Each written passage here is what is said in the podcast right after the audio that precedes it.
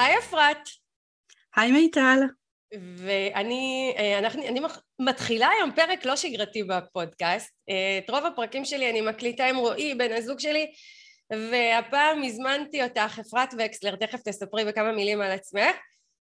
להקליט איתי פרק על, אה, על, על, על הצלחה בעסק, על קמפיין בעסק, אפילו לא חשבתי על הכותרת לפרק הזה, יכול להיות שזה לא יכול להיות, בסוף הפרק כנראה אנחנו כבר נדע מה הכותרת המתאימה לו. לגמרי. ו... ו... ובאמת בחרתי, אני רוצה, אני רוצה לראיין כמה וכמה עסקים שאני מלווה כבר תקופה ובחרתי להתחיל איתך כי מבחינתי את אה, באמת דוגמה טובה ועושה דברים מאוד מאוד יפים בעסק שלך ונדבר עליהם פה היום אז אני שמחה שאת כאן, שמחה לארח אותך. זה כיף. ובואי תספרי בכמה מילים על עצמך ואז אנחנו ככה נתחיל להיכנס לתוך התוכן ויהיה יותר ברור מה אנחנו עושות פה היום ועל מה אנחנו מדברות כדי שיהיה מעניין למשתתפים. אוקיי, okay, אז אני אפרת, אני בת 33, אימא לארבעה ילדים, בני שנתיים עד 11, וואו, 11 זה כבר ממש גדול. אמ, אני עוסקת בהנחיית הורים כבר עוד מעט עשור, אה, יש לי עסק אה, משהו כמו שבע שנים. אמ, הייתי הרבה שנים בתחום השינה וייעוץ שינה לתינוקות פעוטות, עם הזמן השתדרגתי, השתכללתי, התקדמתי אמ, לעוד תחומים. אה, היום אני בעיקר עוסקת במה שקשור לחינוך מיני והפרעות צרכים, גמילה מחיתולים, קקי בתחתונים וכל הכיף הזה. אמ, אז אני בעיקר אה, ככה עוסקת בשני התחומים האלה, וכמובן אה, ככה אמ, גבולות ותקשורת אה, ויחסים בתוך המשפחה, שזה התחום שלי, וגם בתוך העולמות, במקביל אמ, לזה אני גם, אני סטודנטית ולומדת טיפול. זהו, אז כנראה אני אהיה מטפלת באיזשהו שלב גם בחיי, אה, אבל העסק הוא באמת עיקר העיסוק שלי, ובאמת אה, ככה חינוך זה, זה העולם שלי כבר הרבה מאוד שנים.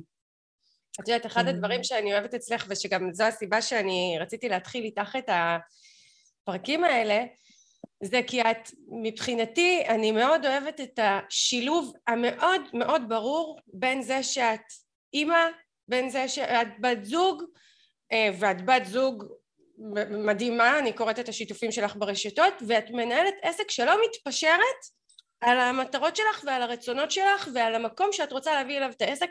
מאוד אהבתי גם שהגדרת את זה, אני מנהלת עסק, כי הרבה מאיתנו לא עוצרים להגדיר את זה ככה, וזה חשוב. Mm-hmm. וזה, וזה שילוב שאני מאוד שואפת אליו, ומאוד מאמינה שהוא אפשרי, להיות גם וגם וגם שכל הדברים שחשובים לנו בחיים יעבדו ביחד מבלי להתפשר על מה אני רוצה להשיג כאשת מקצוע וכבעלת עסק. ממש ככה, אני רוצה לומר לך שזה אה, זה קטע, כי אני רואה אותך מהצד ואני אומרת, אני, אני רוצה להיות כזאת. אה, החירות הזאת שאת, אה, אני חושבת שאת חיה בה היום, היא באמת איזשהו חלום מבחינתי. כי אני הרבה שנים הייתי רק בטיפול שהוא, שהוא אחד על אחד. אמ, קליניקה, זומים וכולי. ובאיזשהו שלב הבנתי שאם אני רוצה לגדול ואני רוצה להתרחב ואני גם רוצה לנצל את הזמן שלי ואת ה... אה, ואני רוצה, לפ... גם אני רוצה לפנות זמן אה, לחיים שלי, לתחביבים שלי, הילדים שלי, לבעלי, אני צריכה, אה, אני צריכה למצות למקסימום את מה שיש לי להביא לעולם. זה בדיוק זה.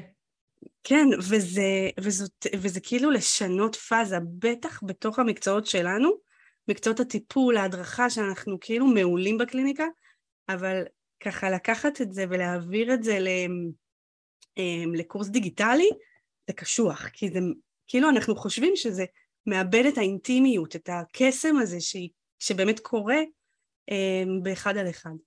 אז אולי לפני הכל, שככה, אנחנו עוד מעט אנחנו נתקדם, אבל אני רוצה לומר לפני הכל, שאם יש פה אנשי טיפול והדרכה שככה שומעים, אני אגיד לכם שזה לא נכון.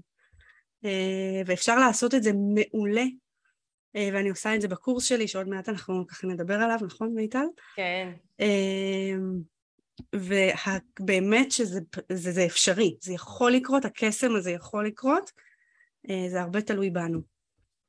אז אני אגיד פה משהו כדי לחבר את הנושא הזה של קורס דיגיטלי לקונטקסט. במקרה שלך זה קורס דיגיטלי. היום למשל שאלה אותי מישהי בקבוצת הפייסבוק שלי רגע מיטל כדי להרוויח טוב אנשי טיפול אנשי שירות חייבים uh, קורס דיגיטלי? ואני אומרת לא ממש לא חייבים קורס דיגיטלי. יש מי שזה מתאים לו יש מי שזה לא. אפשר לשלב כל מיני אלמנטים דיגיטליים מבחינתי כשאנחנו מדברות פה אה, במקרה שלך קורס דיגיטלי היה חלק ממודל רווח שבאמת מאפשר לך להתייעל ולהעביר את הידע ליותר אנשים ולעשות את זה בצורה שהיא משאירה לך יותר זמן פנוי ועדיין אה, בצורה שהיא לא מתפשרת על האיכות והיכולת להוביל אנשים לשינוי ולהשפיע עליהם וללמד אותם ולוודא שבאמת מה שאת מציעה להם הוא, הוא יש לו משמעות. אה, אז הקורס הדיגיטלי במקרה שאנחנו מדברות פה נדבר גם עליו אבל הוא, הוא מבחינתי חשוב לי שמי אה, שמקשיב לנו לא ייתפסו עכשיו לאוקיי מי שיש לו קורס דיגיטלי יקשיב לפרק הזה ומי שלא לא, לא. משנה על מה אנחנו נדבר פה על, על שיווק על יצירת קהילה על קידום קמפיין וגם על הקורס הדיגיטלי אה, אבל זה באמת רלוונטי לכל דבר ש, שמישהו ירצה להציע בעסק במקרה שלך ככה כמי שמלווה אותך קורס דיגיטלי הייתה אה, שאיפה מאוד אה, ברורה עבורך לא בגלל הפורמט הדיגיטלי זה לא היה איזה. חלום של אני רוצה לשבת על החוף והקורס הדיגיטלי שלי יימכר מבלי שאני אה, לא. מתאמצת אלא באמת זה היה מהמקום של אני רוצה להגיע ליותר אנשים אני לא רוצה לאפשר למגבלות פיזיות להפריע לי, את גרה ברמת הגולן, זה באמת כאילו, עכשיו לפתוח קורס פיזי זה, זה היה יכול להיות מאוד מאתגר, אז זו דרך יעילה להגיע להרבה אנשים, להעביר את הידע. אה, אני בתור אימא גם אה, יודעת שלהורים יותר קל ויותר נוח להתחבר ללמידה מרחוק, בעיקר בעידן הזה שאנחנו נמצאות בו אחרי הקורונה, נכון. ו, ולכן זו הייתה בחירה, אבל, אבל באמת זה יכול להיות כל בחירה בפורמט יעיל ש, שמתאים לנו לקדם בעסק שלנו. נכון. אני גם רוצה לומר ש... שקורס דיגיטלי, שוב, את זה אני אומרת בהמשך למה שאני מכירה ממך, ואני גם מאוד מאוד מאמינה בזה, זה לא שגר ושכח. נכון. Uh, זו השקעה, זה, זה ממש ממש ללוות אנשים, uh, בטח בתחום שלי, גם הורות וגם באמת uh, הקורס שלי עוסק בחינוך מיני, זה נושאים מאוד רגישים, זה יכול להיות אה, אה, אה, טריגר עבור הרבה מאוד אנשים וללוות את זה בצורה מדויקת, מקצועית, רגישה, אמפתית לכל הורה גם ולתפיסות העולם שלו, אוקיי? בסוף מיניות יכול ללכת להרבה מאוד מקומות וזה ממש בסדר, בסוף חינוך זה עולם הערכים שלנו. אז זה לא שגר ושכח, זה ממש ללוות ולהיות שם ולהיות נוכחת ולתת משימות הביתה ואחרי זה לשאול ולדייק וככה, אמ, ולאבד את זה עם ההורים, אה, וכן, זה לא לשבת בחוף הים בכלל, זה כן להגיע ליותר אנשים, זה כן לגעת ביותר אנשים, זה כן ליצור, אמ, ליצור איזשהו משהו הרבה יותר גדול, שזה חלק מהחלום שלי, המטרה שלי, הייעוד, אני לא יודעת, זו מילה גדולה כזאת, אני לא אוהבת מילים גדולות. המטרה, כאילו, באמת, בהכי פשוט של זה. כן, כן, אני איתך לגמרי. בסופו של דבר אנחנו מנהלות עסק, יש לזה את הגבולות הפרקטיים של זה, נכון. אבל כן, יש לנו גם בתוך העסק האלה מטרות, ואני רואה גם, אה, אני מלווה אותך כבר כמה שנים טובות, עוד מהימים של ייעוץ שינה והפרעות אה, צרכים וגמילה, והיום בייעוץ המיני, וייעוץ, זאת אומרת התמקדות שלך היא בפעוטות, הורים לפעוטות, שנשים את זה ככה במסגרת של זה, אה, פעוטות וילדים, לא רק אה, פעוטות. נכון, היום כבר באמת הרבה מאוד ילדים, כי גם אני קצת גדלתי, כשהייתי יותר צעירה הרגשתי שאני עוד לא מכירה. וזה גם אולי עוד משהו שחשוב אחרי זה קצת להזכיר אותו. אבל היום שיש לי ילד בן 11 ואני מתחילה להרגיש כבר את גיל ההתבגרות יפה, ועוד בת בתשע, שזה בכלל כבר מאוד מאוד מאוד מתחיל להיות מעניין, אז אני לגמרי במקום שאני גם יותר ביטחון ויש לי יותר ידע כי אני בעצמי אימא ליותר גדולים אז כן אז, אז נכון וגם איזשהו שדרוג ואיזשהו תהליך התפתחות שאני כעסק עובר כאדם בסוף אנחנו בני אדם איזה, אה. איזה כיף שאת אומרת את זה זה, זה כל מה שאני מאמינה בו אה, אמרת שאת מנהלת את העסק שבע שנים בואי נלך רגע קצת אחורה ואת יודעת מה? רגע אני אתן, אני, אני אסדר ככה כדי ש... המאזינים שלנו יבינו על מה אנחנו מדברות. אז שבע שנים את פעילה, אנחנו מדברות על זה שהשנה הזו את הגשמת אני קוראת לזה מטרה, לא חלום. מבחינתי חלום זה לטוס לירח זה חלום, כי זה, זה על גבול הבלתי מושג, למרות שגם זה היום מושג, אבל נכון. הגשמת מטרה שהייתה מאוד מאוד חשובה מבחינתך, ואני אדע אה, כמה את עבדת ו- וכמה צעדי ביניים היו צריכים להיות שם עד שהגעת למטרה הזו, והגשמת את המטרה הזאת והגשמת אותה במלואה, כי, כי לא רק שיצרת קורס שאת uh, uh, מאמינה בו ורוצה אותו, אלא גם הצלחת למכור אותו בצורה יפה, שמי כמוני לדעת שזה מאתגר להצליח uh, בקמפיין כזה. ולעסקים יש נטייה טבעית, גם לנו, להסתכל על השורה התחתונה, על מה מישהו עושה, ואז רגע רגע אפרת, מה עשית? מה עשית? איך מילאת את הקורס? איך הצלחת? ואנחנו שתינו יודעות אה, אה, כמה דברים נדרשו בדרך כדי להגיע למקום הזה אז אני הולכת איתך קצת אחורה ואני אשמח שתספרי עוד אפילו לפני שהתחלנו לעבוד ביחד איך, מה עשית בתחילת העסק, איך פתחת אותו, מה, איך חשבת שהוא ייראה או מה היו המטרות הראשונות שלך וככה נתקדם קדימה עם הפעילויות. אוקיי, okay, אז אני רגע אולי אתחיל ואגיד שהגענו, אני הגעתי, אני אדבר רגע על, על עצמי, הגעתי באמת עם אפס... אה, אפס, אה, כאילו אפס ידע במה שקשור לעסקים, שיווק, רשתות חברתיות, הקמתי אה, את העסק שלי בעשר אצבעות באמת מכלום, גם היום כשאני מסתכלת קצת אחורה אז אני, אני מבינה עד כמה הגעתי כמעט באמת בלי כלום ו, וכמה מזל שגם הכרתי אותך ולא הלכתי לצדדים. אה, אז איך התחלתי? התחלתי באמת פשוט מלכתוב ברשת. אני אגיד את זה בצורה מאוד פשוטה, לכתוב את חיי, אה, כמו שהם, מהעיניים שלי, מהמבט שלי. אה, התחלתי לפתוח דף עסקי, אחרי תקופה הבנתי שאני צריכה עסקי כי אני רוצה ממומן וכזה, אז, אז פתחתי את אה, העסקי שלי וגם קבוצת פייסבוק. התחלתי לכתוב ולענות על שאלות. אפילו הייתי אורחת בהמון קבוצות שפעם היו ממש גדולות, ממזון. מי כן. שעוד זוכר בתקופות של פעם, הייתה קבוצה ענקית, התארחתי שם, הייתי עונה עד אמצע הלילה. לשאלות על שינה ופיפי קקי של כל ההורים. באמת, הייתי יושבת שעות, שעות, שעות, נותנת ידע ותוכן ועונה על שאלות ולוקחת גרושים בהתחלה. ייעוד שינה בהתחלה לקחתי 400 שקל. כאילו גרושים, כאילו היום אני מסתכלת אה, על, ה, אה, על הליוויים האחרונים שלי, לקחתי 2,000, 2,000 כן. פלוס. אבל ההתחלה באמת הייתה סזיפית, באמת סזיפית. עבודה קשה, לכתוב ברשת זה לא קשה כי אני אוהבת ואני אותנטית ואני אוהבת לעשות את זה, אבל לענות על שאלות, לענות להורים בטלפון ולתת מענה חינמי, לעשות הרצאות בגרושים עם הורים בגיל הרך וכל מיני אימהות אחרי לידה וכאלה. אמ, באמת באמת מכלום, אז הנה עשיתי שת"פים אה, עוד לפני עידן האינסטגרם, היום שת"פים עם אושיות באינסטגרם זה משהו מאוד נפוץ, אבל, אבל פעם אנחנו מדברים על, על שת"פים עם, עם, לא יודעת, עם יועצות שינה יותר מנוסות, קבוצות הורים וכאלה. אמ, ועבדתי קשה, באמת באמת עבדתי קשה. עם הזמן זה גדל, אמ, והיום, אה, אה, זאת אומרת, עם הזמן באמת גם אה, אני שיתפתי את החיים שלי כאשת קבע, אני חושבת שזה גם הביא עוד נופך באישיות שלי, אמ, ואני אני, אני חייבת לומר שזה לא בצורה, בצורה מודעת, זאת אומרת, אני לא עושה את זה בשביל העסק. אני עושה את זה הרבה בשביל עצמי, זה קצת אמ, תרפיה בשבילי. אמ, וכתבתי וכתבתי ונתתי ונתתי ועשיתי שלושה מדריכים שגם הגדילו את התפוצה שלי. אני רוצה רגע לעצור אותך ולספר לך, כן. להגיד לך כמה דברים על זה. קודם כל מה שאת מתארת פה זה חריצות בלתי נדלית, זה חריצות. זה, זה להיות חרוצה, זה להיכנס לקבוצות וזה לענות ולהועיל ולדבר ולעשות דברים ו, ואני קוראת לזה בשפה של עסקים, אני אומרת תקפצו למים, תרשו לעצמכם קצת לטבוע בביצה.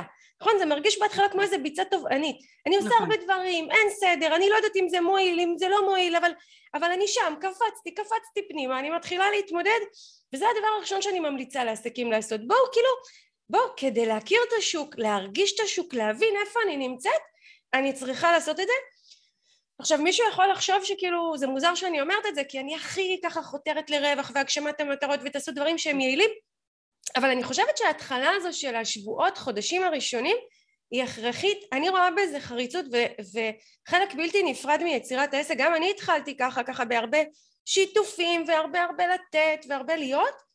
אז זה אחד הדברים שרציתי להגיד לך על זה המקום הזה של לקפוץ למים, לא לחשוב הרבה, לקפוץ למים, לעשות, מה הכי גרוע שיכול לקרות? שאני אלמד את השטח, אני אבין את השטח, שאנשים יגידו איזה מדהימה, איך היא יודעת, זה לא יכול בשום רמה שהיא לפגוע בנו. אני חושבת שיש פה אלמנט מאוד מאוד גדול של נדיבות. אני יודעת שזה בא אצלך מה... Uh, שזה אותנטי לך ושזה טבעי לך, וזה עדיין נדיבות גדולה שלא להרבה אנשים יש, ואני חושבת שזה ערך ש... שנמצא אצל אה, עסקים שבאמת אה, רוצים להצליח. התחלת לדבר לומר... על ה... מה? מה, מה, מה? התחלתי לדבר על, התחלת לדבר על המדריך, אה, וככה אמרת את זה כבדרך אגב, הוצאתי שלושה מדריכים, אז אני אספר לך סוד. כשאני יצרתי את המדריך האחרון שלי, שזה המדריך הכי מוצלח שלי, תיק השיווק העסקי, את היית ההשראה שלי.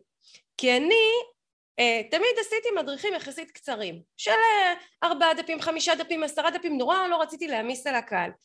וכשאנחנו בקורס עבדנו ביחד ואת עשית את המדריך הראשון של גמילה מחיתולים בדיוק גאיה שלי הייתה בת שנתיים ורציתי לגמול אותה וקראתי את המדריך. ואני זוכרת שקראתי וקראתי וקראתי ואמרתי וואו מה זה? אני לא צריכה ייעוץ, יש לי את המדריך של אפרת, הכל היה כתוב שעשיתי מה שאמרת, כמו תוכי לא זזתי ו- והילדה נגמלה, אגב זה, זה לקח שבועיים, זאת אומרת אם רומי הגדולה שלי נגמלה תוך יום ויעל נגמלה תוך שלושה ימים, גיא לקח שבועיים על פניו, זה אולי עלול היה להפחיד אותי, ו- אבל זכרתי מה אמרת וזכרתי שהסברת שזה הסתגלות ובעצם כל מה שהיה שם. ואמרתי לעצמי, איזה אשת מקצוע מעולה ובסדר אני עם הבת שלי שמה שנקרא הגמילה הייתה נורמלית אה, לא הייתי צריכה שירות אבל נגיד לצורך העניין אם זה היה מסתבך אפילו טיפה ברור שהייתי מרימה לך טלפון וקובעת איתך. נכון. אמרתי לעצמי זה הרפרנס שלי למדריך טוב והלכתי יצרתי את המדריך שלי אז שתדעי. וואי וואי זה באמת מחמיא לי עכשיו.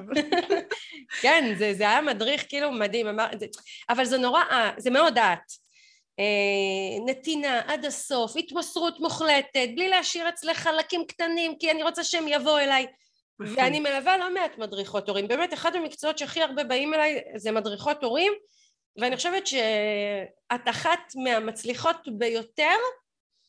יש לך ביקוש, יש לך כל הזמן פניות, את, אה, זה, את יודעת, את אומרת עכשיו שלקחת מחיר זעום של 400 אה, שקלים בהתחלה ואני יכולה להגיד לך שיש מדריכות הורים שמקשיבות לנו ולא מצליחות לקבל אפילו את המחיר הזה היום. וואו. וואו. ו- ועבורן זה כאילו, זה, זה, זה חלום. אז, אה, אז זה ממש לא מובן מאליו מה שאת משתפת פה וזה מאוד כיף להקשיב. נכון, ואני גם רוצה להוסיף על מה שאמרת מיטל, שהקהל, ואני רואה את זה ממש ממש בעיניים, אה, הוא מאוד קולט כשאנחנו, כשאנחנו קצת עובדים עליו, כאילו יש משהו שאם אנחנו נותנים את זה אבל לא עד הסוף ואם אנחנו כאילו רוצים למשוך אותו לקנות משהו אז אנחנו קצת מחרטטים או קצת, אה, או קצת לא עד הסוף הם שמים לב הם בורחים. הם פשוט בורחים הם לא מחכים. אף אחד לא עומד שם ואומר טוב אני אתן לה עוד הזדמנות. זה לא קורה. אה, נכון. אנחנו חייבים להיות מאוד מאוד אותנטיים בטח בתחומים רגישים אבל בכל תחום. אני באמת חושבת שזה לא משנה מי שומע אותנו עכשיו. זה פשוט להיות אותנטיים ולתת אנשים בסוף יבואו ויקנו מאיתנו כשהם יסמכו עלינו, כשהם יסתכלו עלינו והם יגידו ממנה אני רוצה לקנות. למה? כי היא טובה, היא אותנטית, היא, היא לא מחרטטת אותי. ואני רוצה יודעת, לומר עוד משהו. אנשים רוצים לדעת שאת יודעת. נכון, ממש, ממש, זאת נקודה ממש חשובה. ואני, ואני רוצה להגיד עוד משהו. ואני זוכרת שגם אה, היה על זה איזושהי התכתבות באחת הקבוצות אה, שלך. אני התחלתי עם תחום שבסופו של דבר אם אני אתן לו איזושהי כותרת, אה, הוא פותר בעיות להורים. הורים יעריצו את האדמה שאת דורכת עליה, רק כי עזרת להם בגמילה, בשינה, אני לא יודעת מה, בכל תחום אחר. כן. להתחיל מלפתור בעיות ולהתחיל מליצור מענה לבעיות שיש כבר, הן קיימות, ואתה פותר אותן, הן תשתית מצוינת, כי אתה ככה בעצם צובר ניסיון וגם הערכה. אנשים בסוף ממליצים ומדברים. נכון. ומזה אפשר להשתדרג הלאה. נכון, את יודעת שאני בפירוש, אני כל כך מסכימה איתך בתחילת הדרך, ממש ממש בהתחלה בהתחלה, אה, הביטחון שלי נבנה מזה שהייתי נותנת עצות חינם בחינם לאנשים, זאת אומרת מי ששואל אותי שאלה והייתי נותנת עצה, והייתי רואה שזה, מה זה רואה? הם היו מספרים לי כמה זה היה מועיל ואת נותנת פה עצה וזה נוסח בך ביטחון ובהתחלה אנחנו, אה, כשאנחנו בצעדים הראשונים מתמחרות את עצמנו יחסית במחירים קטנים ולאט לאט הביטחון נבנה לעלות מחירים אבל זה לגמרי תהליך נכון. ו- וזה תהליך ש- שבזכות אותה נדיבות ובזכות אותה חריצות ועבודה טבעית שמה שנקרא קפצנו למים היא, היא חלק בלתי נפרד מהבנייה שלנו כנשות מקצוע בטוחות שעומדות מאחורי ההצעה שלנו וגובות עבורה סכומים יפים. ממש, ממש ממש, ממש ככה. זה באמת כאילו לעבוד עבודה סזיפית הרבה שנים ופשוט להבין שזה, כאילו שזאת הדרך. אין, זה כמו, זה כמו כל דבר, אתה לא יכול להגיע למשהו מאוד גדול אם אתה לא מתחיל בצעדים קטנים. ו- ו- ואני אוסיף פה עוד חידוד, אמ, כשאני מלמדת בקורס או כשעסקים פונים אליי, הם ישר רוצים ללמוד לכתוב מסרים, לעשות פרסום ממומן, אה, לעשות וובינארים, תלמדי אותי דף נחיתה. ואני אומרת שהבנייה שה, שלנו, של המוניטין שלנו, של, אה, אה, של הזהות המקצועית שלנו ושל היסודות של העסק מתחילה בעבודה האורגנית הזו שאת מדברת עליה. אל תרוצו לפרסם פרסום ממומן ולשפוך כסף, זאת אומרת זה כן יכול להועיל, זה כן מחזק, אני כן ממליצה, אבל זה לא במקום אותה עבודה פרטנית דקדקנית של להיות פעילה בקבוצות ולפתוח קבוצה משלי ואותה נתינה שהיא לא פנקסנית ו, וגם חשוב להגיד זה לא לנצח, זה לא שעכשיו לא. מהיום עד סוף ימיי אני אכנס לקבוצות ואענה לאנשים בחינם, לא, יש איזשהו זמן מסוים אחרי כמה חודשים שנוצר איזשהו פיק כזה שקורה בין אם זה בגרות מקצועית שלנו, בין אם זה ככה מסה משמעותית שמכירה אותנו וקונה מאיתנו ומתחיל להיווצר שם איזשהו מצד אחד פלא אוזן, מצד שני הביטחון שלנו עולה, מצד שלישי ותכף נדבר על זה אצלך גם איזושהי קפיצה בעשייה השיווקית המקצועית וכל אלה ביחד מעלים אותנו לרמה שאני כבר לא חייבת אה, לעשות את כל העבודה האורגנית הזו והעסק מתחיל להתגלגל בקצבים הרבה יותר אה, נכון. מהירים וזה זורם וזה כיף ואני מתחילה לראות את הפירות של מה שאני עושה. נכון, ואני יכולה לומר אפילו ממש מעבודה אורגנית, רק אורגנית, בלי ממומן, בלי דפי נחיתה, בלי קורס, בלי, בלי איזה קורס שרץ, אפשר להרוויח לא המון, אבל נחמד. אפשר להתפרנס מעולה. שבע, כן, אתה סבבה, אתה מרוויח כאילו, אתה אומר בסוף החודש, וואלה, יש לי שבע נטו בחודש. נכון. נכון, זה לא מספיק, זה בטח לא השאיפות שלנו כעסקים. אבל בתור התחלה, בלי כמעט שיש הוצאות, אתה אומר, וואלה, אפשר.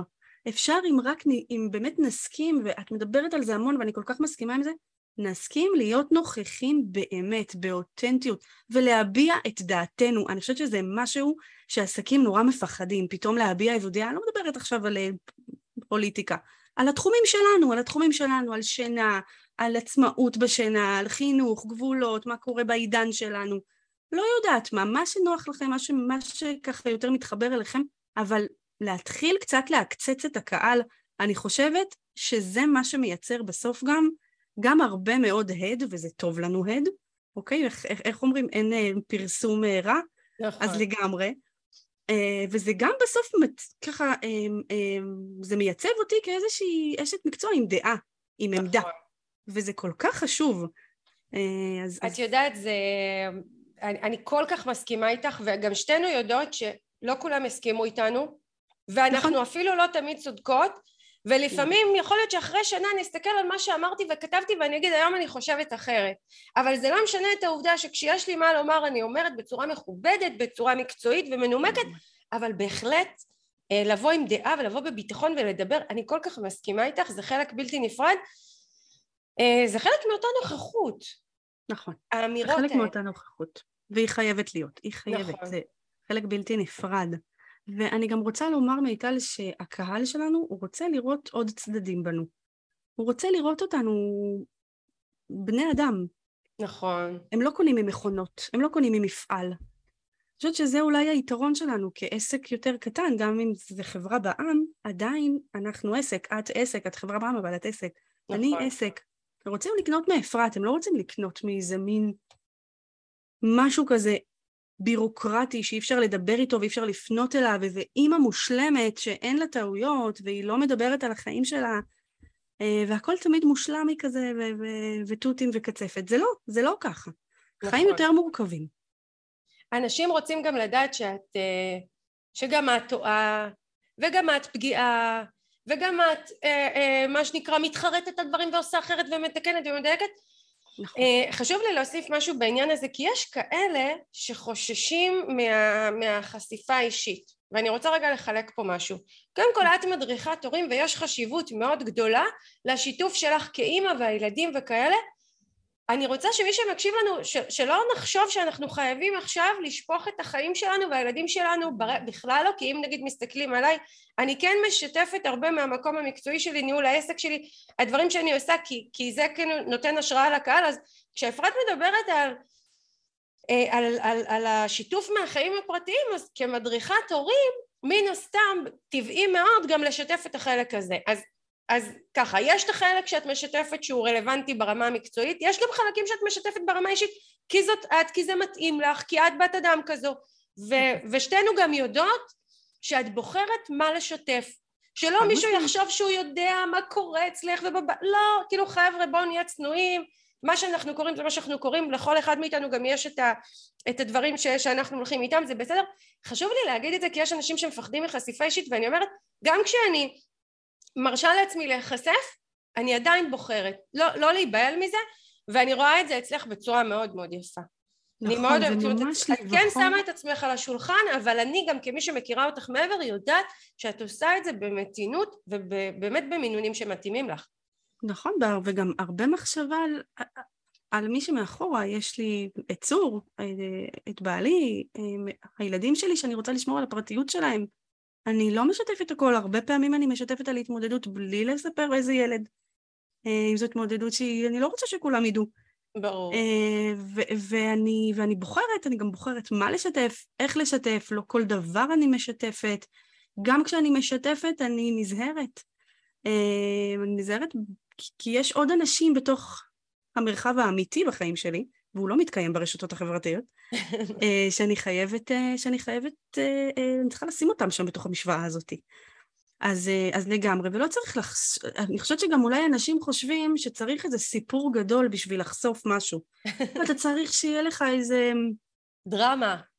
כן, איזו דרמה גדולה בחיים כדי שיתחברו אליך. לא, חברים, הכל בסדר, כאילו, צער החיים עצמם. הלכתי לפילאטיס, חזרתי, הילד שלי הציק לי, הוא קם בבוקר, שש בבוקר, אני עוד עייפה, עוד לא, עוד לא התעוררתי, הוא כבר איזה...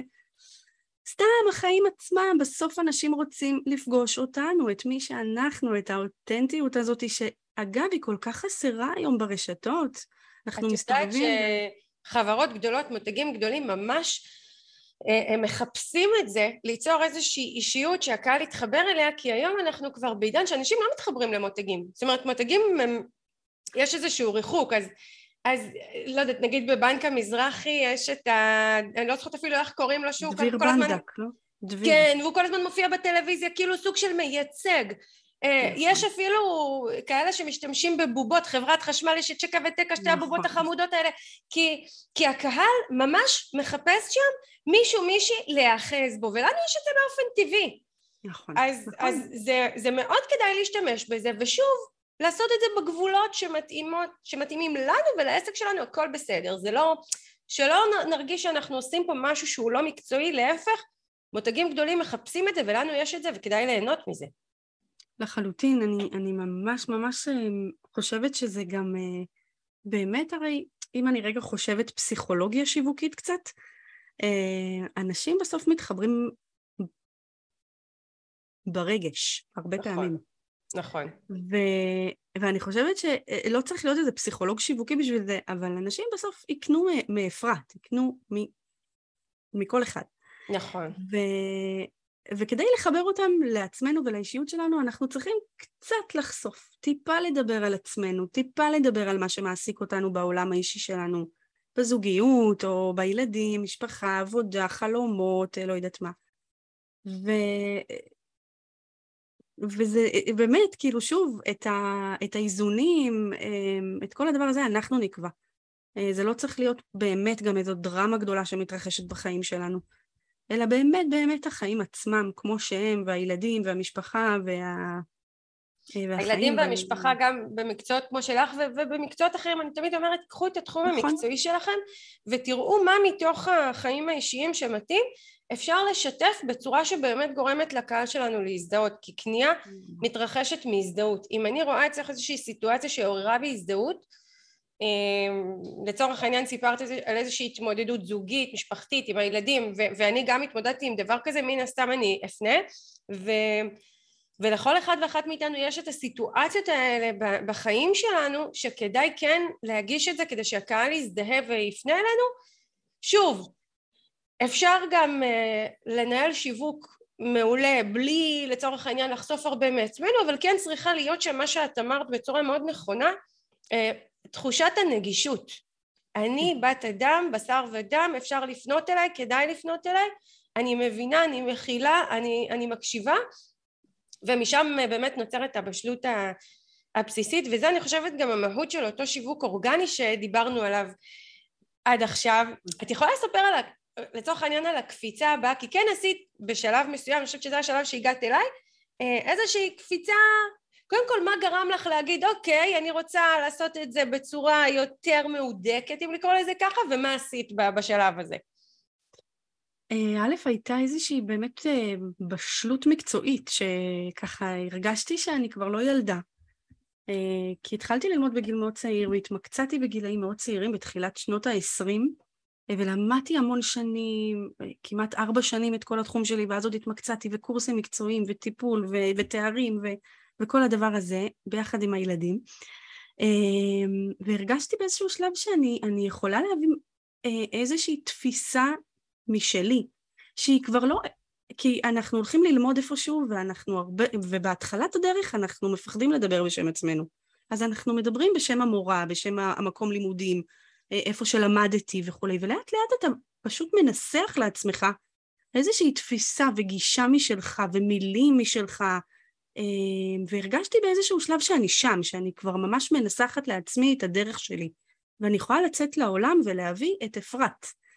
אמ, ובאמת אותך הכרתי בשלב שהייתי אחרי איזה קורס שיווק של איזה מישהי, והרגשתי שזה לא מספיק לי, ורציתי ללמוד איך אני עושה פרויקטים גדולים, אה, ואיך אני מביאה יותר קהל, ואיך אני ככה רוצה, לי, איך אני הולכת לגדול. אה, וחברה אמ, ככה אמרה לי, רק מיטל. אני חייבת לומר שלקח לי דקה וחצי להחליט שאני הולכת ללמוד אצלך, אמיתי, ואני לא כזאת, אני מאוד מאוד חשדניסטית. אה, אבל קצת חיטטתי בדף, ראיתי שיש פה מישהי רצינית, יודעת מה היא עושה, אמרתי, יאללה, שמה את החמשת אלפים, לא יודעת כמה, עלה הקורס הראשון שלך אז? כן, לפני כמה שנים. כן, לפני הרבה שנים, ושמתי את זה, ואז הלכתי וקניתי עוד קורס, אין דברים כאלה. מדויק ברמה של זאת השאיפה שלי. אה, כאילו, להגיע לרמות דיוק כאלה בקורס דיגיטלי זה חלום.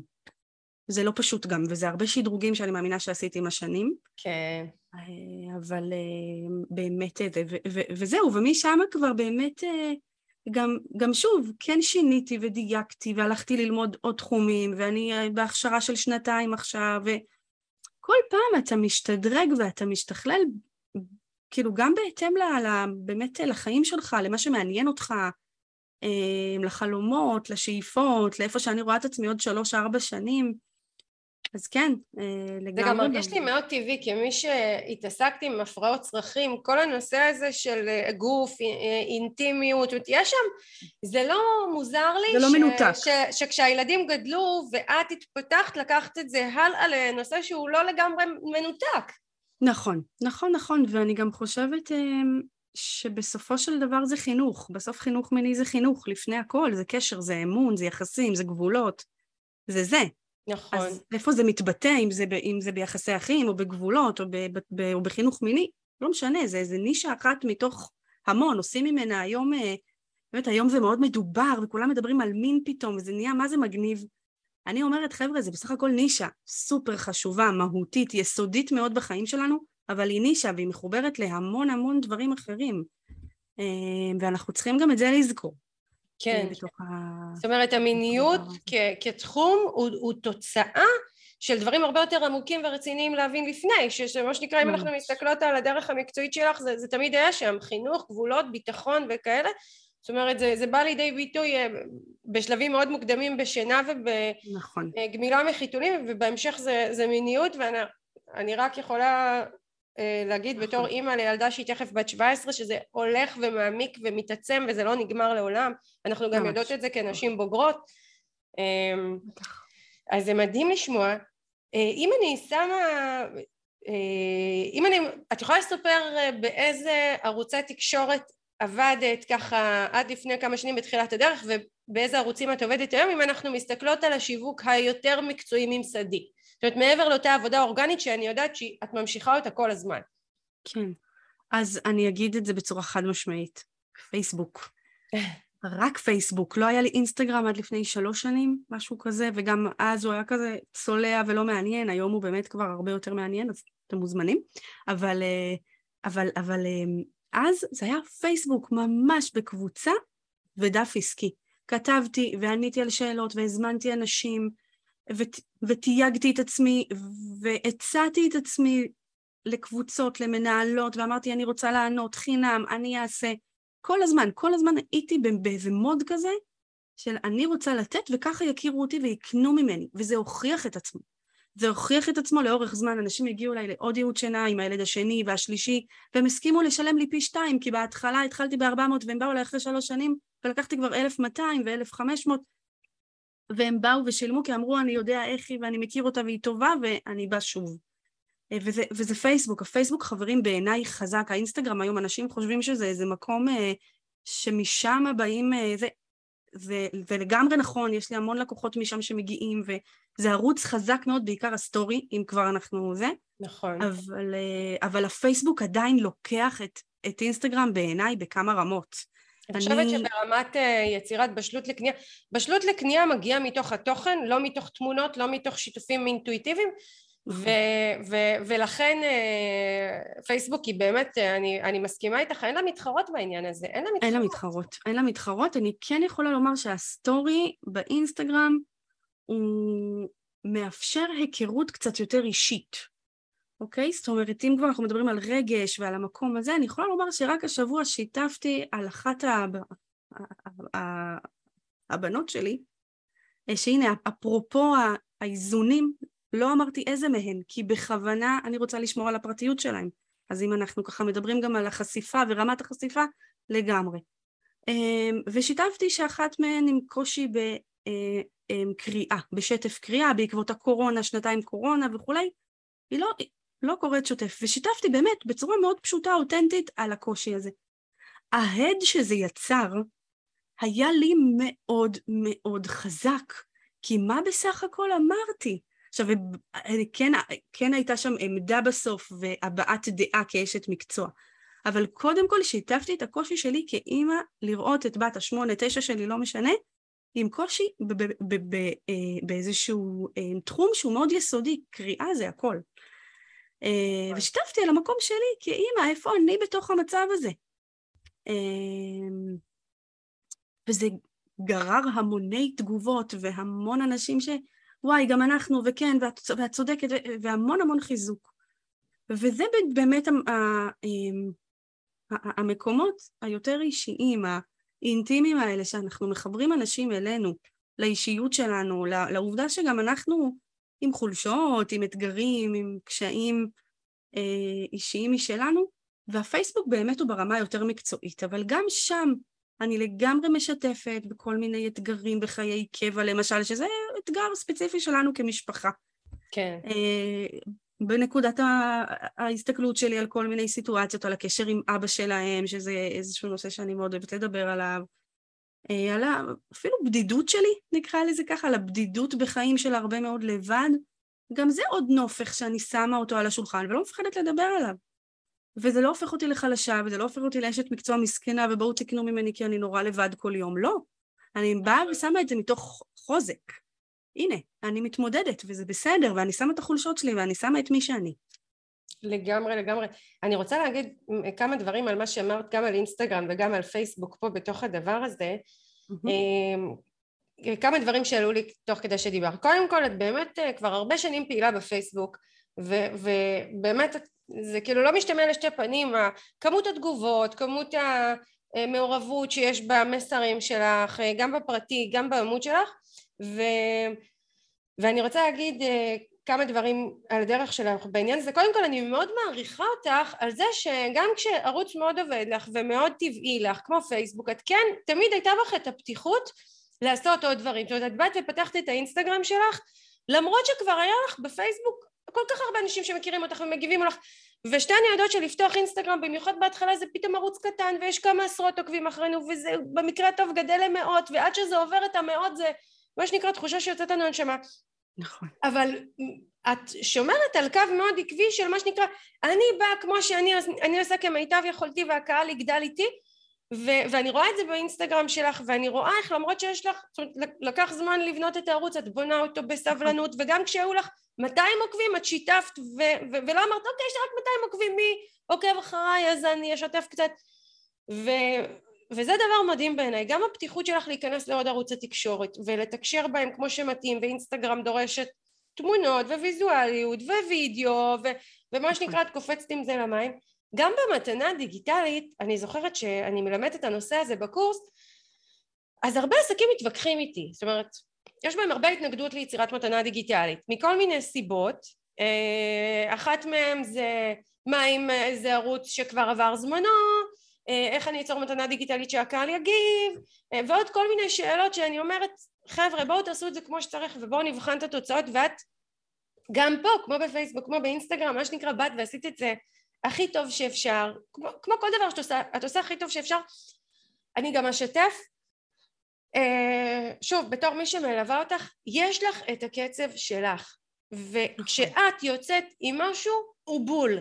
ואני רוצה פה להגיד לכל מי שמקשיב לנו שאם לוקח לי זמן, בסדר מיטל לימדה בשיעור החמישי ליצור מתנה דיגיטלית אבל לי לוקח שלושה חודשים לעשות אותה אז מה? העסק הוא לתמיד נכון. כאילו ממש הכל טוב וזה משהו שאני מזהה אצלך את פתחת את העסק לפני שבע שנים כל השנים האלה את עובדת וגם באמת חשוב להגיד זה לא שבהתחלה לא היה עבודה ואחרי שבע שנים יש עבודה העבודה לא. הפניות ההכנסות גדלות בעקביות ובסיסטמטיות עם הזמן נכון. ו- ובאמת ה- את, יש לך כאילו איזשהו קו מאוד עקבי של אה, נתינה ושיתוף וחיבור ומקצועיות וגם את גם יודעת מאוד ברמה המקצועית מי את ומה את שחינוך וגבולות זה תמיד נמצא אצלך גם אם זה מקבל איזושהי התאמה לתת תחום ואת ממשיכה בקו הזה בתוך הפלטפורמה שבה את נמצאת. נכון. זה נכון, מאוד נכון. מאוד יפה לראות את זה. נכון ואני יכולה לומר לכם ואני חושבת אה, שמיטל אמרה את זה המון ואומרת את זה המון גם בקבוצות ובקורסים, מייל עובד. נכון. לא משנה מה תגידו. ואני אגיד לכם אפילו יותר מזה, אל תתווכחו עם מיטל, כאילו אני לא באה לשווק אותה פה, היא עושה את זה מצוין בלעדיי, אבל היא יודעת העבודה. ואני חושבת שבתור אה, אולי אשת מקצוע אחרת ממיטל, זאת אומרת באמת תחומים שלא בדיוק מתחברים התחומים שלנו, אה, מה שאנחנו צריכים לפעמים בהדרכת הורים ובטיפול, זה קצת להסכים לשחרר. זה, זה להבין שאני קצת לא יודע, אני כן הרבה יודע, כי זה האינטואיציות שלי וזה הבטן שלי וזה הילדים שלי, מי יודע יותר טוב מכם. מצד שני, לצאת, קצת לתת מקום לזה שאני לא יודע, שאולי אני לא עד הסוף בסדר, שאולי אני כן, כן צריך פה את העוד איזה דיוק, עוד איזה דבר. וזה כמו ללכת לפה, לשיווק. אני חושבת שמה שעשיתי פה זה אמרתי, אני פשוט, פשוט סומכת על מיטל. היא אומרת לכתוב ככה, אני אכתוב ככה. היא עושה ככה, אני עושה ככה. תוכי. תוכי, פשוט תוכי. לא המצאתי שום דבר. וזה מוכיח את עצמו, כי יש פה מישהי שמבינה, ואני הסכמתי לשחרר את האגו שלי ולהגיד, לא, אבל הנה, כולם עושים ככה. אז מה כולם עושים ככה? לא מעניין אותי מה כולם עושים. יש פה מישהי שהגיעה להיות אימפריה. מכלום, כאילו באמת, כאילו מ... תודה, תודה. לא מכלום, בכל זאת אה, אחראית על שיווק בלגו. אבל... אני אגיד לך, זה... אני, אני מסכימה איתך, אני גם אומרת, אין לי איזשהו שיגעון גדלות להגיד לאנשים מה לעשות, אבל אני אומרת דבר כזה, וזה גם משהו שאני ממש רואה אותו אצלך. אני אומרת, תנו הזדמנות ותעשו בדיוק בדיוק מה שאני אומרת בפעם הראשונה ואחר כך אם תרצו לצאת מהקווים ולעשות אחרת תעשו אבל תנו הזדמנות אמיתית זה כמו אני אקח את התחום שלך אם אני רוצה עכשיו אה, נגיד אה, שינה של תינוק. אני חושבת שאין הורה שמקשיב לנו שלא יתמודד בזמן זה או אחר עם ענייני שינה. אז אם אני רוצה ללמד את הילדה שלי לישון טוב, לפחות בשבוע, שבועיים, שלושה הראשונים, אני חייבת כמו תוכי לעשות מה שצריך לעשות בלי לזוז. ואחרי שביססתי אצל הילדה הרגלי שינה בריאים, אני יכולה כבר קצת לזוז מהקווים. אני יכולה נכון. לתת לה להירדם פעם אחת בסוף שבוע בסלון, ואני יכולה לנסוע להורים שלי והיא תירדם שם, וזה לא ישבש לנו את שגרת השינה. אבל בתור התחלה, אני כן צריכה להיצמד למה שנקרא לדרך המדויקת, ודווקא המקום הזה, ואצלנו, תכף נדבר עליו גם בקמפיין, כי שם זה ככה הרבה יותר דומיננטי, אה, דווקא ההסכמה הזו שלך באמת ללכת ולעשות אמ, מה שאני מנחה ו- ושוב זה לא אני האישו אלא מה שנקרא מה שעובד אמ, היא, היא, היא מעידה על המון פתיחות וגם אני אגיד עוד משהו צניעות. כי אני חושבת אני יודעת אני עובדת המון המון עם קהל אה, דתי והרבה שומעת את ההתעסקות בנושא הצניעות ואני חושבת שזאת צניעות אמיתית להבין שאני לא יודעת הכל ולהבין שיש אנשים שיודעים טוב ממני כמו שאני באתי ולמדתי ממך איך לגמול את הילדה שלי למרות שזו כבר ילדה שלישית ואני אמורה לדעת אבל הייתה בי את הצניעות להגיד יש פה מישהו שיודע טוב ממני ואני אעזר במה שהיא יודעת לתת. אמ, אז זה לגמרי שם וזה לא אומר שכל החיים את תלכי ותעשי מה שאני אומרת זה רק אומר שאת מבינה את העוגנים ומשם את כבר יכולה לגלות את הגמישות שלך ואת התוספות שלך והשינויים שלך. אה, ואני אוהבת את זה מאוד כן, וזה באמת מתחדד עם הזמן. אני חייבת לומר, עכשיו אני, אני לקראת הקמפיין השני, ואני כבר יותר מדויקת. אני יותר מנוסה, אני יודעת מה... מה... טוב, בואי נדבר על הקמפיין, מיטל. כן, בואי, בואי, בואי, בואי נעשה דבר כזה. עד עכשיו דיברנו על הפרי סטייל, מה כן. שנקרא שיתופים וכאלה, ואני אגלה למאזינים שלנו בסוד, שאת כבר מלפני, כמה זמן באת ללמוד אצלי לבנות קמפיין? שלוש שנים? כן, משהו כזה. ורק אחרי שלוש שנים מוצאת אותו לפועל. נכון. ו... וכמה ו... מחשבות, ומיילים, וטירוף, ווואו. נכון. עכשיו, אני רוצה להגיד לך שזה מאוד טבעי והגיוני. הרבה, יש עסקים שבאים אליי, וכבר במהלך תקופת הקורס, נגיד, מוציאים את הקמפיין, ויש עסקים שצריכים יותר זמן, ואני אומרת, אני, אני חובתי, מה שנקרא, ללמד אתכם, אתם תחליטו על הזמן הנכון. אבל באמת יש משהו בקמפיין, בעיקר למישהי כמוך שכל כך עובדת מהבטן בטבעיות, יש לך את הדרך שלך המאוד מאוד אותנטית, יש משהו בקמפיין ששם אני אומרת אי אפשר לצאת מהקווים. אם במסרים את יכולה לכתוב קצת ימינה וקצת שמאלה ולצאת ולעשות ככה מה שאת רוצה, אז, אז קמפיין הוא הרבה יותר קשוח, תכף אני גם אדבר על הנושא הזה של אינסטגרם ופייסבוק בהיבט הזה, ו, ובאמת קמפיין דורש להיות כל כך מגובשים וממוקדים ובדרך כלל מדובר במוצרים ושירותים שהם יותר מאתגרים. נכון. עכשיו אני אגיד שנייה לפני שנדבר על המוצר שלך ונסביר ככה למה הוא מאתגר ו- ולמה מה נדרש שם בקמפיין אה, אני, אני, אני רוצה פה גם לשים רגע את האצבע על ההבדל בין פייסבוק לאינסטגרם Mm-hmm. כי דווקא בתחום הדרכת הורים, אה, אה, אחד התחומים שמאוד מאוד חזקים באינסטגרם, מפתיע או שלא, זה הדרכת הורים. אני חושבת שאחת הסיבות המרכזיות היא שהמון הורים צעירים נמצאים באינסטגרם ופחות בפייסבוק. זאת אומרת, הורים בני 20 פלוס, 30 פלוס, פחות נמצאים בפייסבוק, יותר באינסטגרם, ולכן גם יש שם יותר פתיחות. אבל ההבדל המאוד מאוד דרמטי בין שתי הרשתות האלה, uh, זה שבפייסבוק אני צריכה, לא, לא בפייסבוק, כשאני רוצה לקדם פרויקט מאתגר, mm-hmm. להבדיל, להביא אנשים לקליניקה זה דבר אחד, לתת ייעוץ אישי זה דבר אחד, למכור פרויקט מובנה של גמילה מחיתולים וכאלה זה דבר אחד, אבל אם אני רוצה לקחת מוצר מאוד מאתגר שזה קורס דיגיטלי לחינוך למיניות שזה לא משהו שאנשים מסתובבים בעולם ואומרים אני רוצה נכון. קורס דיגיטלי לחינוך למיניות. פה כבר יש אתגר מאוד מאוד משמעותי.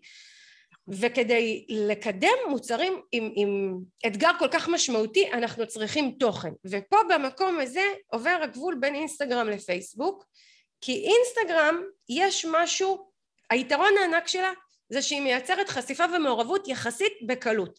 החיסרון שקשה להגיע שם לעומק. זאת אומרת אפשר דרך הסטורי ושיתופים יומיומיים אפשר אבל זה לא משתווה לעומק שאנחנו יכולות להציע בפייסבוק ובטח ובטח ברשימות תפוצה במדריך נכון. ובערוצי תוכן מעמיקים אם אנחנו מדברות על פודקאסט אז בכלל נכון. וזה מאוד חשוב אז אמ, אז אני כן אומרת את זה כבסיס לפני שנדבר על הקמפיין ש, שהעובדה שאת גם נמצאת באינסטגרם ויוצרת את החשיפה והמעורבות הבסיסית אבל גם מה שנקרא ממשיכה להיות בערוצי התוכן שדורשים אה, העמקה יותר גדולה ובטח ובטח שיש לך רשימת תפוצה שבנית אה, הבשילו את התנאים. כי קמפיין ותכף נדבר על קמפיין כדי שהוא יצליח חייבת להיות בשלות של קהילה.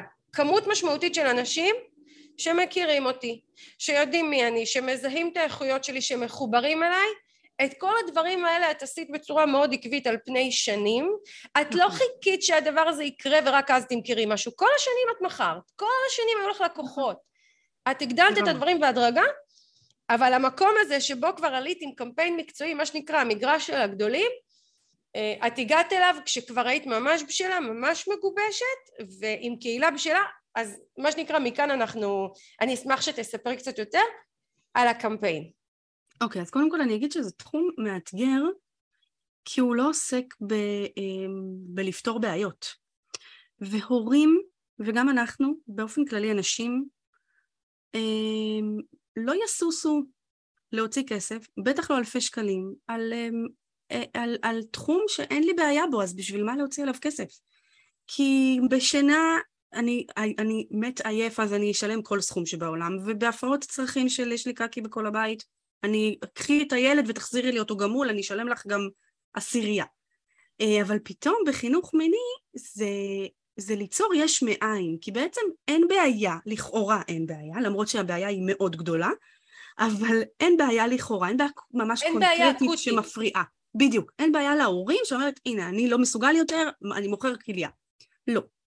ואז אתה, הייתי צריכה ליצור אה, א', להרחיב את, ה, את כל הבאמת מבט שלי על חינוך מיני, כי חינוך מיני זה לא לדבר על זרע ועל ביצית, חינוך מיני זה קשור ליחסי מין וזה קשור לזוגיות וזה קשור ל, אמ, אמ, למחויבות וזה קשור ליכולת ביקורת אה, עצמית ולסביבה, אה, הסכמה, זה, זה אמ,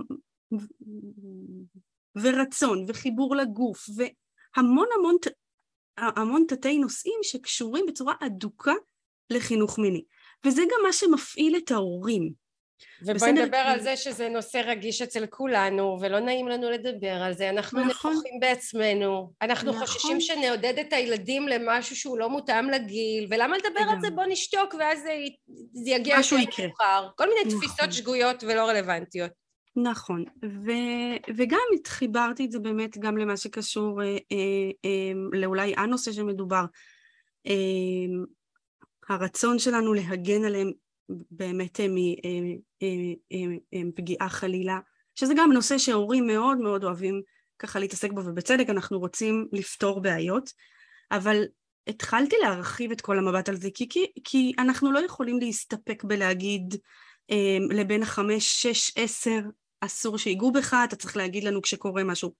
זה לא מספיק, אנחנו צריכים לדבר על מיניות, והנחתי את זה על השולחן, וכתבתי על זה, והתחלתי ליצור איזה שהם... אמ, איזה ש... כאילו הרחבתי את כל המבט, ומתוך זה גם אני חושבת הורים פתאום בעצמם הרחיבו את כל, ה... את כל ה...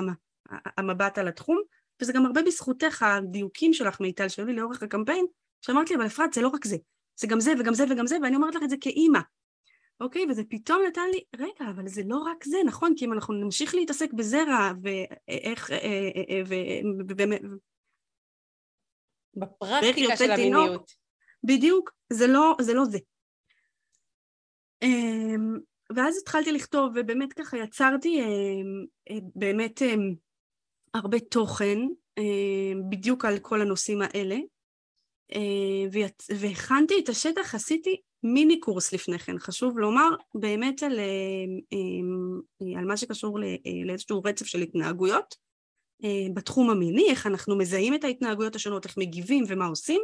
זה היה קורס מוצלח והצלחתי למכור איזה עשרים ומשהו קורסים בארבע מאות שקל, משהו כזה, וזה היה לי נורא מגניב, זה נתן לי בוסט של ככה ביטחון, להגיד הנה אנשים קונים ממני גם קורס ולא רק אה, אה, אה, קליניקה. וזה קרה וזה, ואז כבר באמת הבנתי, אוקיי, אני הולכת על משהו גדול רחב יותר, ובאמת מינפתי את הקורס הקטן הזה לקורס יותר גדול, אה, והרחבתי, פשוט לקחתי את כל מה שאני יודעת לעשות עם פוסטים ובסטורי, ולקחתי אותו לשיעורים מסודרים עם באמת משימות וליווי ומפגש אישי באמצע ומפגשים קבוצתיים וקבוצת פייסבוק וקבוצת וואטסאפ והכל הכל ככה אה, בצורה מאוד מדויקת. אה, אני רוצה לומר משהו בזהירות. אני חושבת שמה שעזר לי למכור, כי ההתחלה הייתה לי צולעת קצת והרגשתי שאני לא מצליחה, הדבר היחיד, לא היחיד, אבל המשמעותי אולי שהבנתי, זה שאם אני אשחרר את המקום של אני רוצה בסוף להביא בום הביתה, שחררתי את זה, והייתי רק בדבר הגדול הזה שבאמת אני, אני רוצה לתת להורים, ב, ב, כאילו ממש ממוקדת בקורס, בתוכן שלו, במתנה, ב, בתועלת בתוכן. שלו. תועלת, זאת המילה. כן, בכמה זה, אני, את יודעת, זה כל כך נכון, שלפעמים בקמפיין אנחנו כל כך מוסכים על ידי התוצאה שאנחנו רוצים, והאגו שלנו, ומה יהיה אם לא יקנו, ואנחנו שוכחים את הדבר המאוד מאוד גדול הזה שאנחנו מביאים, שהוא זה שמייצר את החיבור ואת המכירה. בדיוק. אנחנו לפעמים, אנחנו כל כך רוצים להצליח, כל כך רוצים כאילו לראות בסוף החודש את ה... את ה... ככה, את הסכום ש, ש, שככה אה, אה, הצלחנו להביא הביתה, והקהל מרגיש את זה, זה מדהים.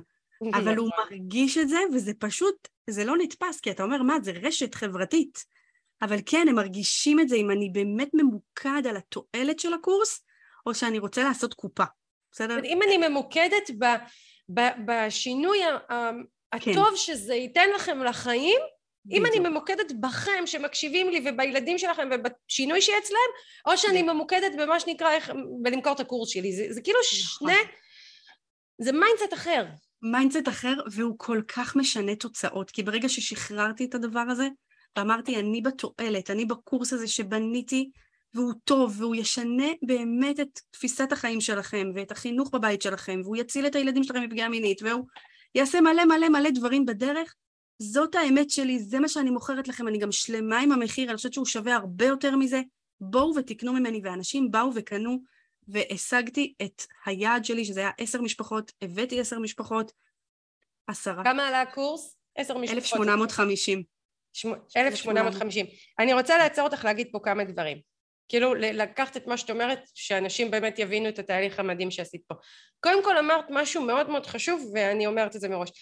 את מכרת לפני כן, זאת אומרת זה לא המוצר הראשון שבאת איתו, לא, ואני חושבת שיש פה משהו טיפה יומרני, הרצון של אה, עסקים לבוא ישר מההתחלה למכור רק את המוצרים הרווחיים, הנוחים, ישר קורס, ישר קורס דיגיטלי, חבר'ה בואו מה שנקרא נהיה צנועים, נתחיל במוצרים ההדרגתיים, ליווי פרטני, ליווי אישי, פגישות, שיחות, נכון. אה, ואז שכן התחלת ללכת לכיוון הפעילויות הקבוצתיות שיותר מייצרות רווח ומתחילות להשיג לך את המטרות שאת רוצה שזה אותו, אותה גמישות, אותו חופש, זמן פנוי ובעצם ועדיין להשפיע על אנשים אז אני זוכרת שאת התחלת מהרצאות, היו לך הרצאות בזום, בתשלום. וובינרים, נכון. והיה לך אחר כך את הקורס הקטן, הממוקד יותר, והמוצרים האלה, אני חושבת, זה אחד הדברים שאני אומרת לעסקים שבאים אליי לקורס, אני אומרת, תתחילו בקידום מוצר קטן כדי לנסוח בעצמכם את הביטחון שאתם מסוגלים ואתם יכולים.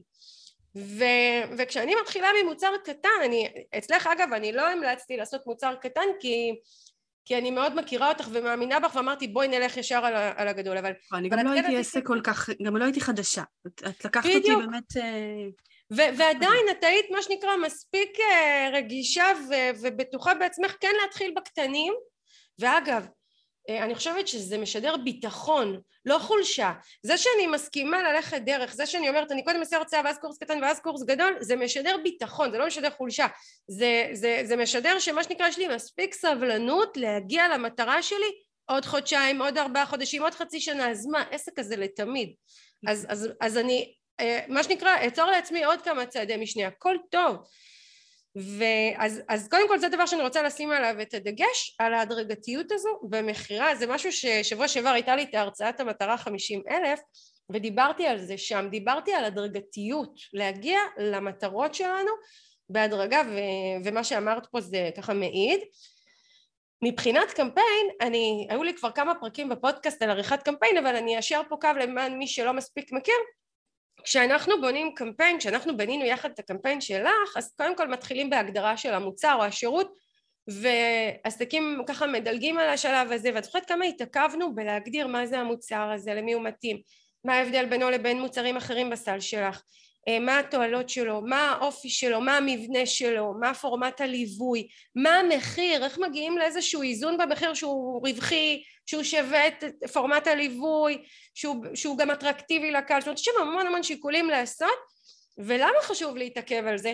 כי אנחנו חייבות לבוא לשיווק בטוחות בעצמנו שהגדרתי ובחרתי את המוצר הנכון ואני אומרת עדיף שתנקבו במחיר טיפה יותר נמוך ובפורמט קצת אחר ממה שדמיינתם אבל תבואו בביטחון כי אם באתי בביטחון וזה משהו שאת עשית אז אני יכולה להביא אנשים לקנות אם משהו בי מעורער זה לא יקרה.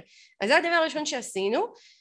הדבר הבא יהיה בעצם לעשות uh, דף נחיתה uh, למוצר הזה וסדרת מסרים שפה אני כן אצביע על האתגר שעסקים חווים בקמפיינים ואני מניחה שגם את הרגשת אותו אני, אני תמיד מרגישה אותו יש משהו מאוד אסרטיבי וענייני בלכתוב מסרים לקמפיין בדף נחיתה כי אנחנו צריכים יחסית יחסית במעט תוכן להעביר את הנקודות המשמעותיות. וזה דורש מאיתנו אסרטיביות ולפעמים אנחנו נבהלות. וואו מה להגיד את הדברים בכזו נחרצות בכזו לא כאילו הרבה יותר קל לבוא ולהגיד עוד סטורי ועוד סטורי ועוד סטורי ועוד פוסט ועוד פוסט ועוד פוסט אבל בקמפיין זה, זה לא ככה. בקמפיין אנחנו כן צריכות להיות יותר ממוקדות מטרה ובעצם להגיד די אני מפסיקה להציף את הקהל כי יש פה מטרה שצריכה להתממש בעוד שבוע בעוד שבועיים. ולכן קמפיין הוא בעצם הוא גם דורש דיוק מאוד גבוה הוא דורש התמסרות והוא דורש הרבה אמונה. כי אחד הדברים שאני גם אמרתי לך ואני חווה את זה בעצמי בקמפיינים שלי וכל מי שאני מלווה זה אנחנו נתחיל קמפיין, רוב הגדול של הקמפיינים יתחילו לאט. נרשם אחד, שניים, שזה הכי מפחיד, כי רגע, יש לי שני נרשמים, מה אני עושה עכשיו? אני פותחת קורס עם שניים? איך זה נראה? זה הכי מפחיד, מילא אם אף אחד לא נרשם, אני יכולה לברוח. נכון. אבל אם נרשמו אחד, שניים, זה הכי מפחיד. ואז מגיע השלב של, רגע, התלהבתי, כי איך שהקמפיין התחיל, נרשמו השניים, שלושה הראשונים, ופתאום עכשיו שבוע שלם אני שולחת מסרים, ואף אחד לא מגיב. עכשיו, איך אני יודעת שהם תכף יגיבו? אני לא יודעת, אני צריכה פה גם אמונה וגם התמדה וגם סבלנות ו- ולהמשיך עד הסוף. ודיוק. כי זה א' הקהל בוחן אותנו. אם אני לא נאמנה למה שאני מציעה לו והולכת עד הסוף הוא לא יקנה. אבל אם הקהל אומר יש פה מישהי שהיא כל כך עומדת מאחורי מה שהיא מציעה זה גורם לו לקנות יחד עם זה שיש לנו נטייה לחכות לרגע האחרון. נכון. למה לי לקבל החלטה דקה לפני שאני חייבת? למה לי לא, לא למה שאני לא אחכה? נכון. ו... וזה ממש לקלף. אני ממש הרגשתי שאני בעבודת קילוף של התנגדויות. נכון. זה ממש כמו עבודה טיפולית, נכון, הזה. נכון. זה לקלף התנגדות ועוד התנגדות, כמו כזה, את יודעת, בננה, כאילו עוד חתיכה ועוד חתיכה ועוד חתיכה, ובסוף זה קורה. אנשים נכון. בסוף מבינים כמה הקורס הזה הוא שווה 1,850 שקלים, כי זה השקעה בחיים של הילדים שלהם, השקעה בעסק שלי, השקעה ב... וגם איטל, אני רוצה עוד שנייה לומר ששוב, אה, כאילו כבר, אה, אה, כאילו הזכרתי את זה לפני כן, אבל אני רוצה לומר שבכל תחום אפשר למצוא את התתי תחומים האלה. זאת אומרת, לא להיות ממוקד רק ב... כאילו את נגיד בשיווק וזה, את מאוד מדברת על החיים, על ה... על חירות כזאת שאת באמת מאפשר, שהעסק שלך בעצם הוא זה שמשרת את החיים שלך ולא הפוך. נכון. וזה כל כך חשוב לדבר על המכלול. נכון, ולא על הקונטקסט. כן, לא, כאילו לא להיות איזה סוס כזה עם השניים האלה בצדדים וכאילו אני לא רואה הצידה. לראות את המכלול הרחב, לראות בטווח רחוק, לראות דברים בעיניים יותר, יותר רחבות. את יודעת, זה כל כך חשוב. מאוד... וכמה שעסקים לא שמים לב לזה ואני הרבה פעמים מרגישה גם בקורסים שלי שאני מנסה להוציא את העסקים מהחשיבה הזו והם מתקשים שאני אומרת לא להיתקע רק בחינוך המיני אלא כמו שאת אומרת בעצם לא אמרת את זה פה וזה מאוד חזק בשיווק שלך ובכלל בתקשורת החוצה את אומרת המיניות היא רק פרט אחד משני במשהו שהוא הרבה יותר משמעותי שזה החינוך נכון. הקשר שלנו איתם שהוא אינסופי, הוא משפיע על, גם על כולם, על, על, על ההורים שהם יהיו, על הזוגיות שהם הולכים לבנות. זאת אומרת, זה כאילו להשפיע על המון, על, על כל העתיד, על, וזה כוח עצום שיש לנו בידיים. וגם עסק, אותו דבר, זאת אומרת, עסק הוא משרת את המטרות שלי בחיים, את, ה, את מי שאני, ממש. איזה יופי שאת אומרת את זה, זה ממש ממש נקודה חשובה. הרבה פעמים אפילו אני מוצאת את עצמי מתוסכלת שאני רואה שעסקים לא מצליחים לפתוח להרחיב. את הראייה שלהם ובאמת להבין איפה הדבר הזה שהם מציעים הוא נוגע בעוד אספקטים בחיים ובסופו של דבר א' זה מה שמביא את הקהל כי הקהל אם אנחנו נציג לו פריזמה מאוד מאוד ממוקדת וקטנה במקרה הזה חינוך מיני או ייעוץ שינה או דברים מאוד מאוד ממוקדים אז הוא גם ישווה אותנו לאחרים וגם הוא תהיה לו דעה מאוד נחרצת זה בשבילי זה לא בשבילי וזה כאילו וזה נתקע שם. אבל אם אני מחברת את זה לערכים יותר גדולים למשמעויות יותר גדולות לטווח ארוך ואני חושבת שכולנו כל מי שיש לנו משהו באמת משמעותי להציע צריכים רגע לעצור ולהבין לאן זה עוד מתחבר ולדבר על הקונטקסט הרחב של זה והמשמעויות הרחבות של זה אז אנחנו באמת מצליחות גם לחבר קהל, גם למכור טוב וגם ליצור אופק אינסופי לעסק שלנו. ותמיד יש את הקונטקסט היותר רחב. תמיד, לא משנה באיזה תחום, אני ממש, אה, ממש אה, חושבת. נכון, ואת יודעת, אני, אני בטוחה, אני אפילו לא יודעת, לא מכירה את ה, לצורך העניין את הנתונים בתוך רשימת התפוצה שלך וכאלה, אבל אני בטוחה שאנשים ש...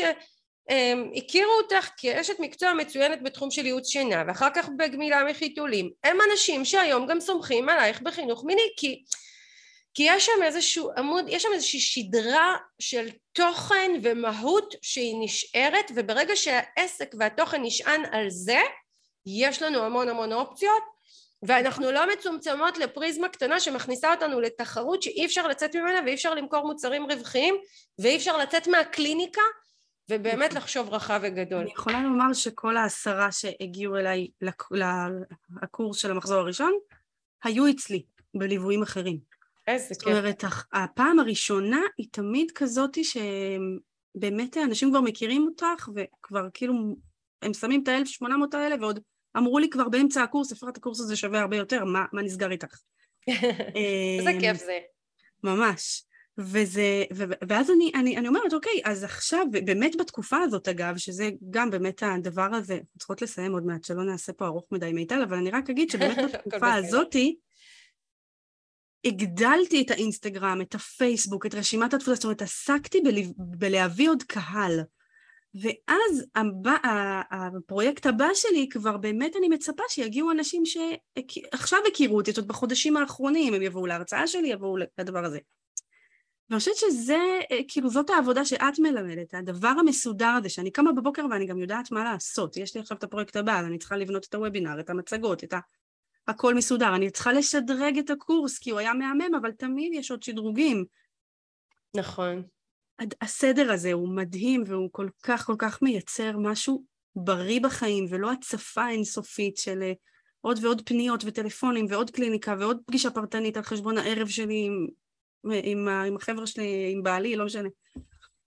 איזה כיף אה, לשמוע אותך אומרת את הדברים שאני אומרת כל הזמן וזה בא מהלב. אני חייבת לשאול אותך שאלה. קשה לך לשווק את העסק? קשה לך למכור? קשה לך היה למלא את הקורס? את מרגישה שזה קשה? אני, אני, הסיבה שאני שואלת את זה כי עסקים עוד לפני שנגיד באים לקורסים שלי או נכנסים ל, או מתחייבים לעשות שיווק מקצועי מפחדים שזה קשה זה לא קשה, לא, ממש לא. זה כשאתה ממש בטוח במה שאתה אה, הולך למכור ובמה שאתה הולך להביא לעולם, אתה פשוט עושה את זה באותנטיות. אני גם אגיד את זה, אני אקח את זה עוד צעד אחד קדימה לאנשי הטיפול שפה, שבכלל אצלנו זה כאילו אנחנו כאלה חמודים תמיד, מתייפייפים, אמפתיים, רוצים לנרמל כל דבר וזה. אנחנו מפחדים להיות אסרטיביים, מפחדים למכור, מפחדים כאילו להיות באיזה מקום של אני יודע מה אני עושה, אני מוכר. להפך, אני חושבת שדווקא כי אנחנו מבינים את מה שעומד מאחורי זה, ואנחנו מבינים את המשמעות ואת התועלות ואת מה שזה הולך לשנות בחיים שלהם, אני חושבת שאנחנו פשוט צריכים להביא את עצמנו. וזה באמת באמת קצת כמו בהורות, לקלף את הדבר הזה מעצמנו ולהוריד התנגדויות ולחבר אנשים לאיזה רעיון גדול אם אנחנו מאמינים במה שאנחנו עושים, זה לא קשה, זה פשוט שם, זה קורה. זאת אומרת, בטח אחרי הפרויקט הראשון איתך מיטל, היום אני כבר כאילו כותבת את הפוסטים איך שאת כותבת אותה, איך שאת ככה מלמדת אותנו, כן. וזה נראה לי נורא טבעי, כאילו ברור שאני צריכה לדבר על ההתנגדות הזאת, זאת התנגדות מאוד משמעותית. וואחד התנגדות, כאילו אני לא יכולה להתעלם ממנה, אנשים שואלים את עצמם את השאלה הזאת, וזה דברים שמתחדדים עם הזמן, זה לא בפעם הראשונה. כי בפעם נכון. הראשונה אתה עוד חושש. את יודעת, אתמול סיפרתי שאת קורס לשווק עם מיטל בניתי במשך שלוש שנים. זאת אומרת, שלוש שנים עדיין שיניתי, דייקתי, הוספתי, הורדתי, החלפתי, קלטתי שוב, עשיתי, שיניתי פורמטים. שלוש שנים עד שהגעתי לפורמט שאני ב-99% שלמה איתו, אני ב-100% שלמה איתו, אבל עדיין כל קורס אני משנה ומוסיפה ומורידה עוד משהו. זאת אומרת, זה תהליך אינסופי, ו- וגם השיווק הוא מתהווה ומשתדרג, ו- ו- ואנחנו מתבגרות מקצועית ומתבגרות שיווקית, וזה גם נכנס לתוך המסרים שלנו ואופן התקשורת שלנו והביטחון שלנו, וזה...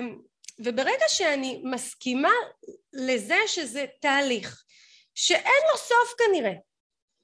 אז אני לא מחכה ליום שהכל יהיה לי ברור, אלא אני נעה קדימה ומדייקת ומשדרקת ו- ויוצרת תוך כדי תנועה.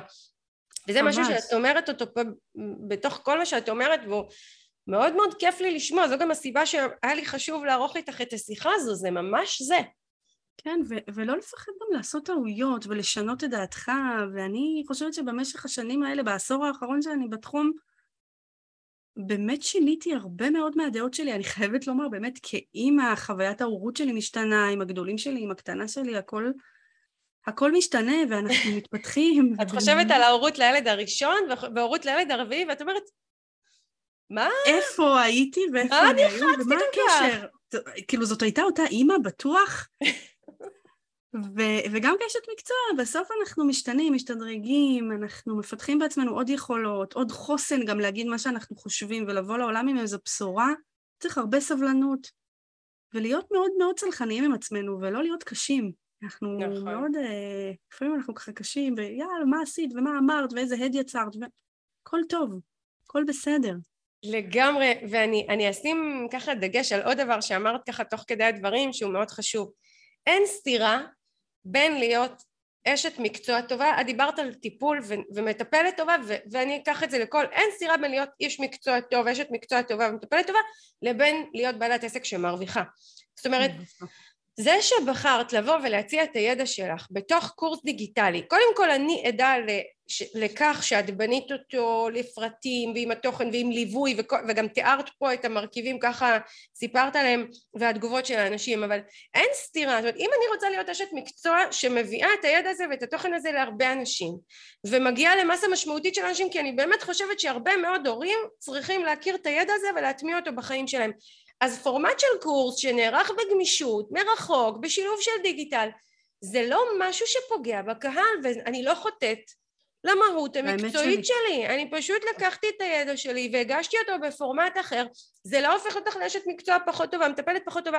אני רואה מהצד, את גם לומדת, את לא מפסיקה להשתדרג, את לא מפסיקה להתפתח, את לא מפסיקה לשמור על יחסי, אה, אה, יחסים מקצועיים עם עוד קולגות שלך ולהתייעץ איתם וללמוד מהם ו...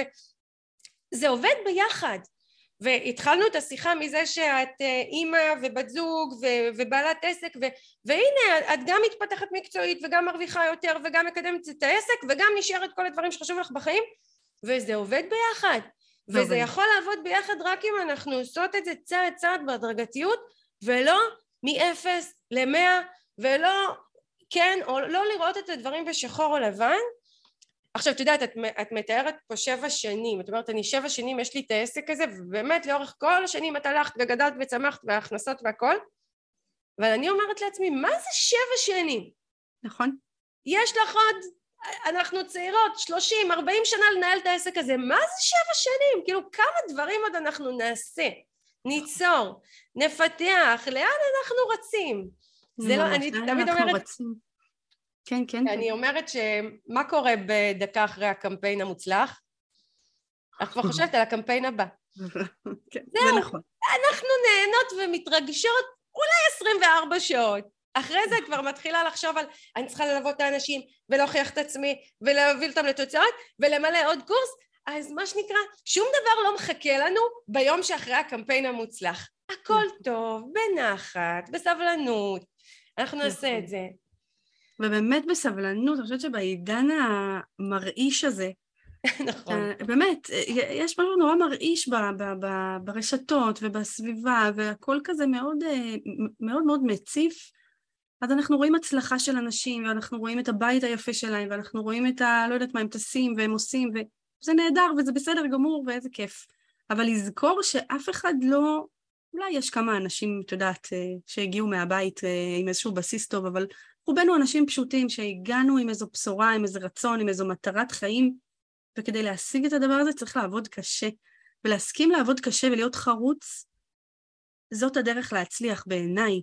אה, וזה, וזה זהו, וזה זה. זה אפילו לא לעבוד קשה, זה לעבוד נכון. בחריצות ובהתמדה. נכון, זה לא קשה. קשה אני אגיד, איך, מה, למה אני קוראת קשה? קשה זה משהו שאני נורא נורא נורא מתאמצת נכון. אה, לפצח אותו. נגיד אם אני אנסה להרדים תינוק בלי שיש לי ידע בסיסי איך תינוק צריך להתנהג וזה, אז זה באמת יהיה לי קשה. אבל נכון. אם אני מבינה מה עובר על תינוק, מה עובר עליי כאימא, בדינמיקה בינינו, ומשם אני באה, זה פתאום כבר לא קשה. זה כן דורש סבלנות, זה כן דורש אורך רוח, אני לא אשן כמה לילות, תהיה דינמיקה מאתגרת, אבל זה לא יהיה קשה. קשה נכון. לדעתי קורה כשאנחנו לא יודעים, ויש נכון. תשובות לכל. ל- לרוב הדברים, בטח המקצועיים, יש תשובות. נכון, כש, כשאני מתכוונת קשה, אני מתכוונת להיות בסבלנות ובהתמדה ובעקביות. נכון. לא לוותר. אז לא הצלחתי הפעם, אני אצליח פעם הבאה, אז אני עדיין עוד לא בסכומים שאני רוצה. אני עוד לא בסכומים שאני רוצה, גם אני לא. אבל זה יגיע, זה יקרה, וזה חלק מהדרך. ו- וזה פשוט להסכים כאילו לאיזושהי דרך, כי אין קסמים לאף אחד. לגמרי, לגמרי. ולדעתי ו... זה גם משהו ייחודי באח מיטל, דרך אגב, שאת לא מציעה קסמים. דרך, תהליך. זה מאוד נדיר כיף. היום. איזה כיף לשמוע, ואני באמת, אה, אנחנו ככה נתחיל לסכם, אה, ואני אגיד דבר כזה. אני, אני מאוד שמחה לנהל איתך את השיחה הזו, כי מבחינתי את באמת דוגמה מצוינת לאותה אה, זה, זה מעבר לסבלנות, זאת אומרת יש בך איזון מאוד מאוד נכון בין סבלנות, עשייה, חתירה למטרות ושמירה על איזון. ויש בך את כל אלה. ו, ובכל שלב בחיים את, אה, את החלטת שאת מקדמת דבר זה או אחר ותמיד היית מחוברת למי שאת. אני מעולם לא ראיתי אצלך איזושהי סתירה בתוך מה שאת עושה. אמ, ו- וגם בתקופות של בטח ובטח כשאת בת זוג לאיש קבע שיש פה המון מגבלות uh, בגלל זה וגם כשהיית בהיריון ולידה וכל מה שזה מביא איתו תמיד ידעת למצוא את האיזון שלך ואני חושבת שזה אחד המסרים שחשוב שאנחנו נעביר פה לעשות את הדברים בסבלנות בהדרגה בהתאם למה שנכון לנו אבל כן לשמור על עשייה ולוודא שמה שאני עושה מוביל אותי למטרות שלי בחיים גם אם אני מזהה שהמטרה שלי, אני אגשים אותה כנראה בעוד שנתיים, בעוד שלוש שנים, עדיין מה שאני עושה מוביל אותי לשם, אני בדרך, אני רואה את הדברים קורים, אני בתחושת ודאות וידיעה, זה יגיע וזה יגדל וזה יצליח והדבר שאני הכי הרבה מרגישה ממך היום זה תחושה של ידיעה אני חושבת נכון. שזה אחד הדברים שחסרים לאנשים היום בכל תחום, יודעת, גם בהורות, גם... אבל אנחנו מדברות פה על עסקים, אנחנו יכולים להיות בידיעה, אנחנו לא חייבים להיות באי ודאות, אנחנו לא אמורים להיות בתחושה של אוף, אני צריכה לפצח ואני לא מצליחה לפצח. אני אומרת לעסקים, תפסיקו לנסות לפצח, לא צריך לפצח כלום. צריך לעשות כמו שעשית פעם ועוד פעם ועוד פעם ומשדרגים ומדייקים ומתישהו זה הופך להיות זורם ו- ו- ו- ו- ואנחנו חיים את מה שרצינו וזהו, וזה, וזה פשוט כמו שזה. זה פשוט, זה פשוט, זה הרבה יותר קל ממה שאנחנו חושבים שזה. נכון, זה קל אם אנחנו, כמו שאמרת, בכלל. נותנים לזה מקום. נכון, לתת לזה מקום ולתת לזה זמן וסבלנות ואנרגיה טובה ולבוא גם לקהל באמת בטוב. לא משנה אם זה נושאים קשוחים או נושאים אה, ככה יותר מאתגרים, לבוא בטוב, לבוא עם מי שאנחנו.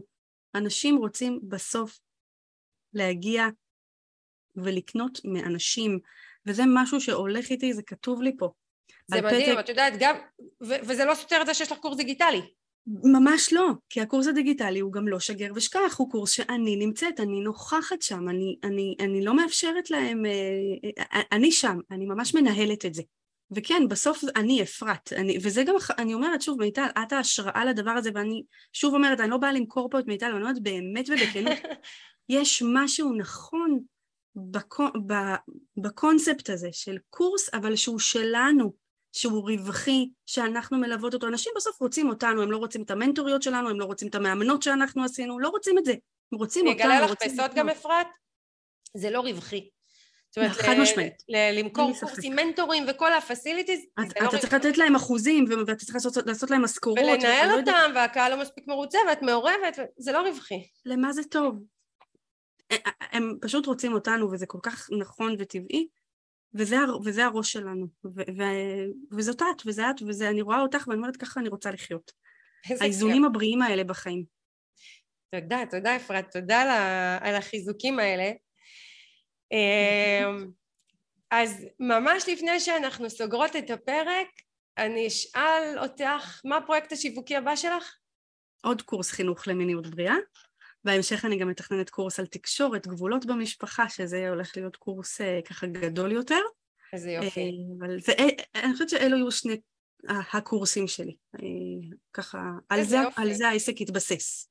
איזה יופי שאת במקום הזה, שאת באמת יכולה להשקיע בפיתוח הקורסים שלך, כי מה שנקרא את הבסיס השיווקי יצקת, בדיוק. ונכון צריך לח... לתחזק אותו, אבל זה כבר זורם, ואז יש מקום לפתח ולחשוב וליצור, זה מקום כל כך טוב להיות בו, אז אני שמחה לשמוע. כן. אז בואי תגידי לה, ככה, לה, אני אומרת דבר כזה, אתם uh, תמיד בואו נחפש אנשים שעובדים יפה ונלמד מהם לעבוד. אל תסתכלו על התוצאות של אנשים, תסתכלו על עשייה של אנשים. אז תספרי ככה איפה אפשר uh, למצוא אותך ולעקוב אחרייך. אפשר באינסטגרם ובפייסבוק, בפייסבוק זה אפרת וקסלר, גם באינסטגרם באנגלית אפרת וקסלר. אפשר לעקוב, לראות, להכיר אותי, גם אפשר להתייעץ איתי בשמחה, אני ממליצה על הקורסים הרבה של אה, ככה אצל מיטל, גם אפשר לשאול אותי להתייעץ איתי כאנשי מקצוע, אני לא מתכוונת לעשות הסבה לאשת שיווק, לא העולמות שלי, אבל אם אתם רוצים לשמוע... שלא יחשבו שהבאתי אותך לכאן להמליץ עליי. לא, לא, לא מקבלת פה שום דבר, אני באמת אומרת את זה בכנות רבה, באהבה גדולה לכם ולמיטל, שממש מלווה אותי ב... בעבודה, ממש, כאילו, ולא מוותרת לי וככה דוחפת אותי, וזה בזכותה וזה שאלה, ואני באמת באמת אומרת את זה פה. אה, אז אתם יכולים למצוא אותי ולהתייעץ ולשמוע אותי אם אתם רוצים להתייעץ על הקורסים של מיטל, אז גם אני ממליצה באהבה, ובאמת אני לא מקבלת מזה שום דבר. מה שטוב אני ממליצה. כאילו. באמת. אז אני אגיד לך שאני מאחלת לעצמי כמה שיותר בעלות עסקים כמוך ללוות, כי זה כל כך כיף. כן, זה כל כך כיף. אני אומרת, אני לא מחפשת ללוות את מי ש... אה, מה שנקרא קל, לא שואל שאלות, לא מערב, לא, לא, לא, אני אוהבת עסקים כמוך שממש יש עם מה לעבוד, יש שאיפות, יש מטרות, יש עשייה, איזה כיף. אז מבחינתי שתדעי, זו זכות ללוות אותך ולראות את העשייה וההתפתחות, וזה ממש אה, ממלא אותי כי לדעת ולראות בעלת עסק שמיישמת ורואה תוצאות ומתייחסת לזה בפרופורציות הנכונות, ואני כל כך סקרנית לראות את ההמשך ושבע השנים uh, הבאות לאן הם יביאו ומה יהיו ואני בטוחה, אני שמץ של ספק שהן יהיו מצוינות אני, אין לי שום מושג איך הם יראו, אני יודעת שזה יהיה טוב וזה וואלה, הכיף. וואלה, הלוואי, איזה כיף. זה הכיף. המון תודה מיטל על ה... גם על, ה... אה, על הפודקאסט הזה, על ההזמנה שלך. באהבה ובהערכה. זה כיף.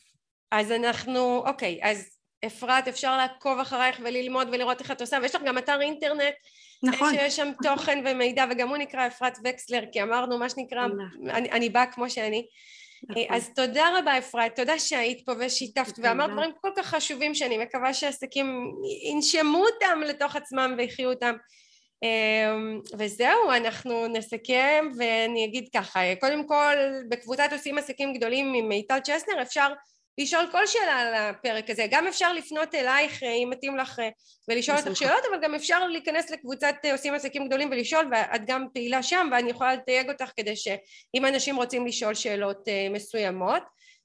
וזהו, אני אגיד לך תודה רבה, ושרק נמשיך לעשות עסקים גדולים. ביי, להתראות. ביי ביי מיטל.